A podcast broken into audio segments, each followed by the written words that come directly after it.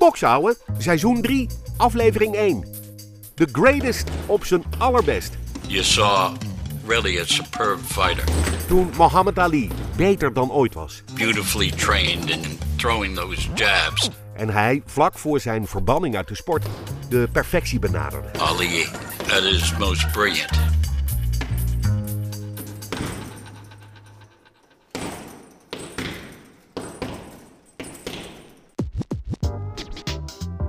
Je luistert naar Bokshouden, de podcast over boksen. Mijn naam is Bart Slim en in deze eerste korte aflevering van seizoen 3 wil ik toch maar weer eens een aflevering wijden aan de man die bij mij de liefde voor het boksen echt heeft aangewakkerd. Het is vandaag 17 januari, de dag dat hij in 1942 werd geboren in Louisville, Kentucky als Cassius Clay. En onder de naam Muhammad Ali zou hij uitgroeien tot een iconische sportheld, een fenomenale bokser, een mensenrechtenactivist, een unieke persoonlijkheid die voor mij en voor velen met mij een inspiratiebron is, een held en een voorbeeld. En omdat het vandaag dus zijn verjaardag is, heb ik mezelf de vraag gesteld: wanneer was Ali nou op zijn best?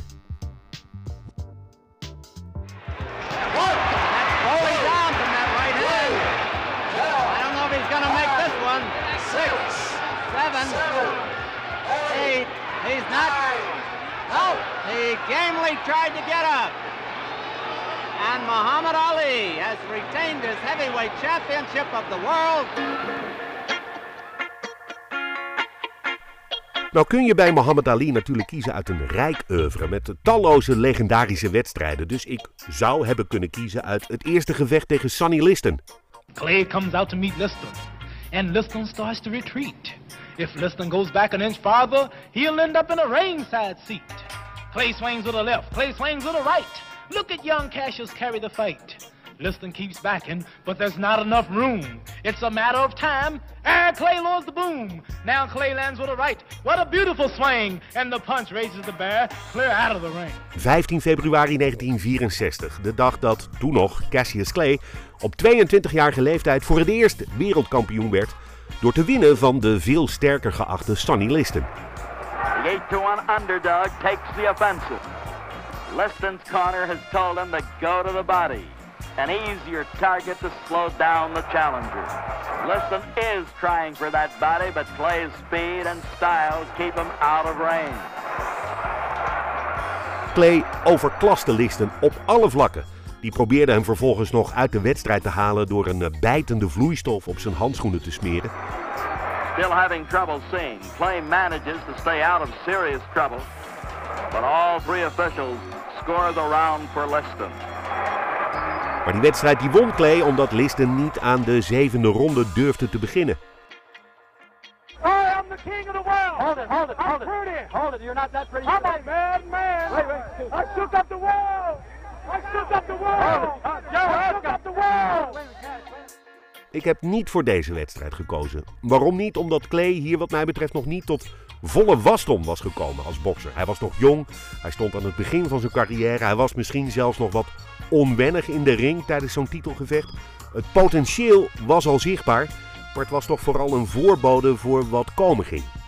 I said last night I had a dream. When I got to Africa, I had one hell of a rumble. I had to beat Tarzan's behind first for claiming to be the king in the jungle. For this fight, I've wrestled with alligators. I've tussled with a whale. I done handcuffed lightning and put thunder in jail. You know I'm bad. I have murdered a rock. I injured a stone. And I hospitalized a brick. I'm so bad I make medicine sick. I'm so fast, man, I can run through a hurricane and don't get wet. When George Foreman meets me, he'll pay his debt. I can drown a drink of water and kill a dead tree. Wait till you see Muhammad Ali. Ik had voor zijn meest tot de verbeelding sprekende gevecht kunnen kiezen.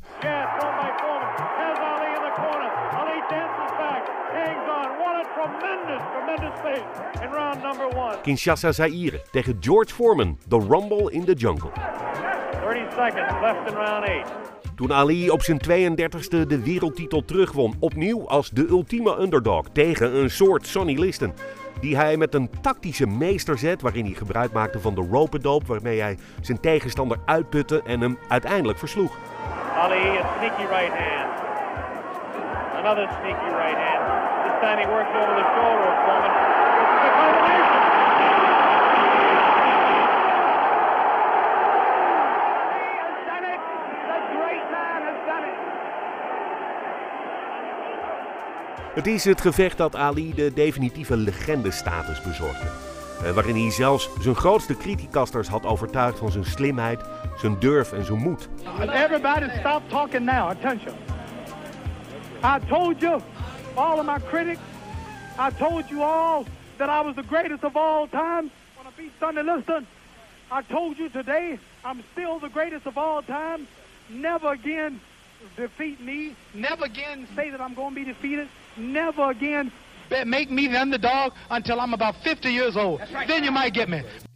De Rumble in the Jungle is wat mij betreft tot op de dag van vandaag de grootste sensatie ooit in de sport. En toch heb ik niet voor dit gevecht gekozen, omdat Ali hier toch vooral excelleerde als de slimme tacticus en als iemand die vooral verdedigend sterk was. The Thriller in Manila. Ik had ook kunnen kiezen voor zijn derde en meest epische gevecht tegen Joe Frazier, 1975, Manila op de Filipijnen. It's 15 rounds, and here is round one. Wat mij betreft het meest indrukwekkende gevecht van Ali ooit. Waarin hij en ook Joe Frazier trouwens letterlijk de dood in de ogen keken. Waarin ze dieper gingen dan menselijk mogelijk was. En waarin het maar weinig had geschild trouwens of Joe Frazier had gewonnen. The doctor comes up and looks at Frazier. I think it's to be over. It's all over. En toch is ook dit niet het gevecht waarin we, wat mij betreft, de beste Ali ooit hebben gezien. Daarvoor moeten we terug naar 14 november 1966.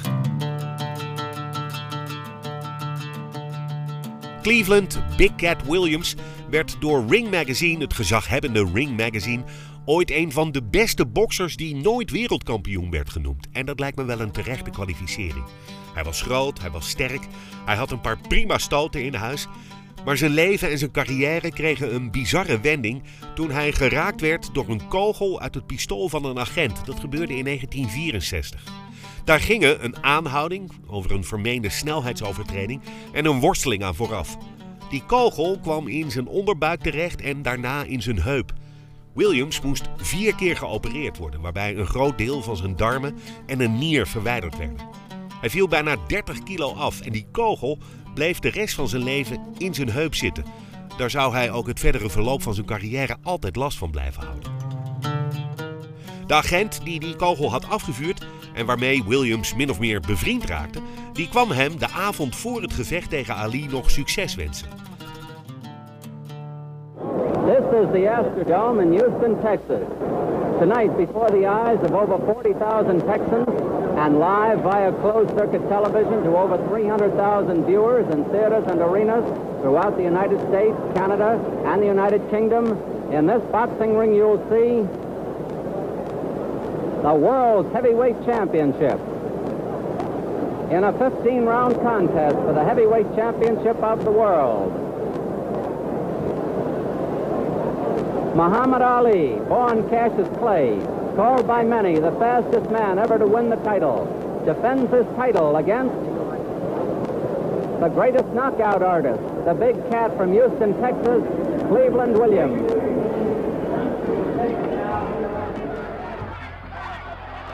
Dan dat gevecht. En wat maakt nou dat ik en ook anderen dit Ali's beste gevecht vind? Shake hands now and come out boxing. The scoring here in Houston, the 10 points must. 10 points to the winner of a round, 9 or less to a loser. Om te beginnen is Muhammad Ali fysiek in zijn prime. Hij is perfect op gewicht, de verhoudingen kloppen. Hij ziet er echt waanzinnig goed uit. A man knocked out of the ring must be back by 10. The referee can penalize up to two points for a foul. He will tell the judges how much to take off. In the right trunk, Williams in black. En als het gevecht dan begint en Ali na een kort schietgebedje eh, naar het midden van de ring sprint, dan slaat hij zijn beide handschoenen tegen elkaar. Dat doen boksers wel vaker, want dan zitten je knokkels lekker strak tegen de winsels aan. Maar bij Ali lijkt het alsof hij zich echt in zijn handen zit te wrijven. Zo van, we gaan eens even lekker een potje vechten. Clay figures to dance around in the early rounds and tire out the older man who is 33 to Clay's 24. En eigenlijk is hij het hele gevecht volledig in controle.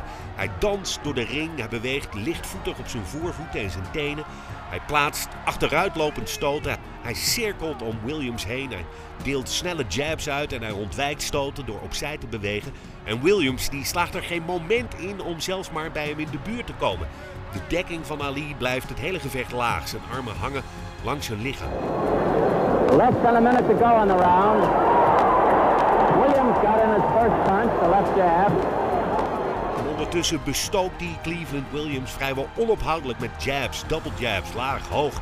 Met rechtse directe, met overhandse rechtse stoten. En halverwege de eerste ronde is het gezicht van Williams al getekend. It's all Clay so far.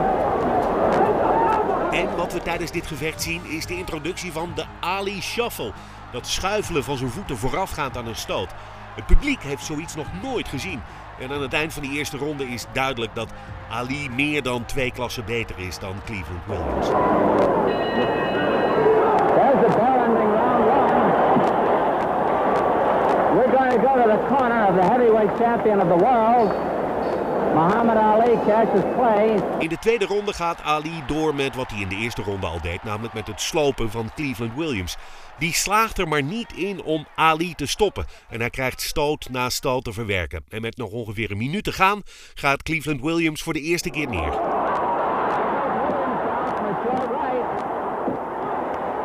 There are 40 seconds left to go in the round. Acht tellen, gaat door, krijgt daarna zeven opeenvolgende stoten tegen zijn kaak te verwerken. En dan gaat hij opnieuw neer. Williams down. 17 seconds left. Williams is vrij snel weer bij zijn positieve, maar hij ligt seconden daarna alweer op het canvas. Down a third time. The bell will ring. En dan is hij saved by the bell. Die bel klinkt voordat Williams definitief uitgeteld kan worden. Cleveland Williams is saved by the bell. The count does not continue by the bell. His manager, Hugh Benbow, and his trainer, Harry Payne, carrying him back to the corner. They will try to revive him in time to get him out for round three. En na de minuut rust begint ronde 3, waarin Cleveland Williams al na amper 10 seconden weer neergaat. Williams down for the third, fourth time. Six, seven, eight. Harry Kessler wipes off the gloves. Two minutes and 15 seconds left. Dan doet hij zowaar even wat terug. Hij gaat eventjes in de aanval, maar schijnbedriegt. 20 seconden daarna, als Williams eigenlijk al niet meer in staat is om zichzelf te verdedigen, beëindigt de scheidsrechter het gevecht. in the round. And the referee is going to stop it at about one minute and five seconds of the third round. And the champion, Cassius Clay, will defend that title once again. And tonight he has successfully defended it against the man who was supposed to be the hardest.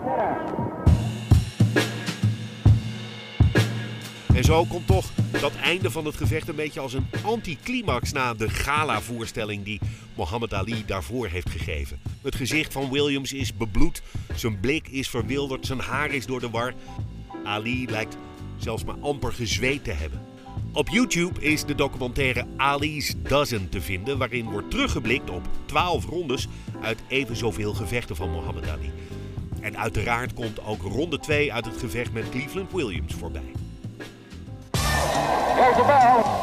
In that particular round, the second round, you saw really a superb fighter who was beautifully trained and conditioned and would just circle Williams and throwing those jabs. Hit him almost at will with his left jab. He would throw battery of punches with such great rapidity. It almost looked like they were coming out of a machine. Clay hits you in many different ways, slaps and hooks and jabs. It was just a, a brilliant arsenal. And then the right hand, so powerful right hands that put uh, Cleveland Williams down. Hard left, right, Williams down. Play with a left, a right, a left. Williams with his back to us is getting here at will. Left, a right. Play has him going down. He'll take another mandatory eight. A left right, play left, a right. Right on his back. Williams must have thought he was on an elevator because he kept getting knocked down and kept getting up. He went down three times and he just beat the bell for the third one. He had taken a pounding. Round three is really anticlimactic. Ali hits him again, I believe with the right hand, and drops him. Williams down. He may not get up. Williams got up and wobbled, and the referee stopped the fight. Harry Kessler stops the fight. The winner by a technical knockout and still heavyweight champion of the world, Cassius Clay. The second round was really an example for history. What it did was revealed all the facets of his ability. His ability to move, his ability to punch, the great footwork, the Ali shuffle. Ali was just flexing his muscle, just beginning to appreciate how good he could be. It was a signature piece by Ali. Certainly a signature round. Het gevecht tegen Cleveland Williams heeft ook een van de meest iconische foto's van Muhammad Ali opgeleverd. Sowieso natuurlijk een meer dan fotogenieke persoonlijkheid. Die foto werd gemaakt door de gerenommeerde fotograaf Neil Leifer, die veel werkte voor Sports Illustrated en Time Magazine.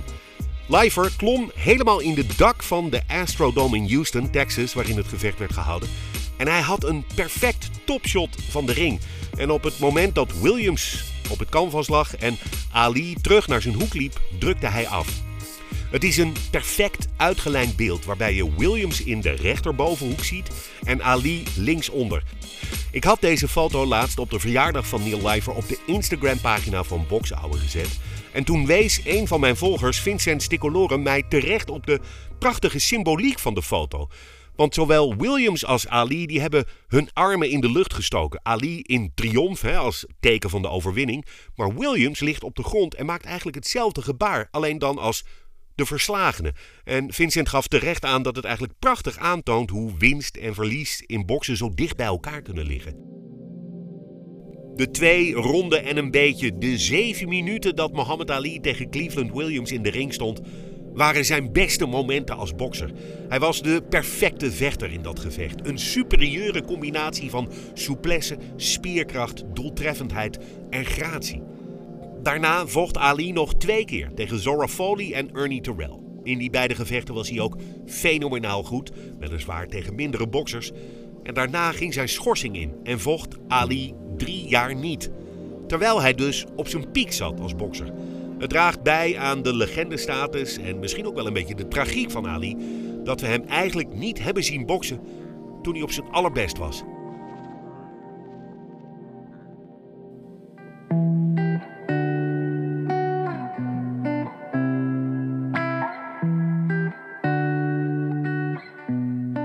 Dit was aflevering 1 van seizoen 3 van Boxouwe, de podcast over boksen. Abonneer je op Boxouwe in je favoriete podcast-app. En laat ook even een recensie achter, want dan ben ik weer wat beter te vinden. En laat ook even weten of je het eens bent met mijn keuze. Misschien vond je Mohammed Ali wel in een heel ander gevecht op zijn allerbest. Daar ben ik eigenlijk wel benieuwd naar. Abonneer je ondertussen ook even op de Instagram-pagina van Boxouwe, want daar schrijf ik met enige regelmaat kleine stukjes over de mooiste sport ter wereld. En mocht je Boxouwe willen sponsoren, dat kan ook altijd, stuur me dan even een DM via de Instagram-pagina van Boxouwe.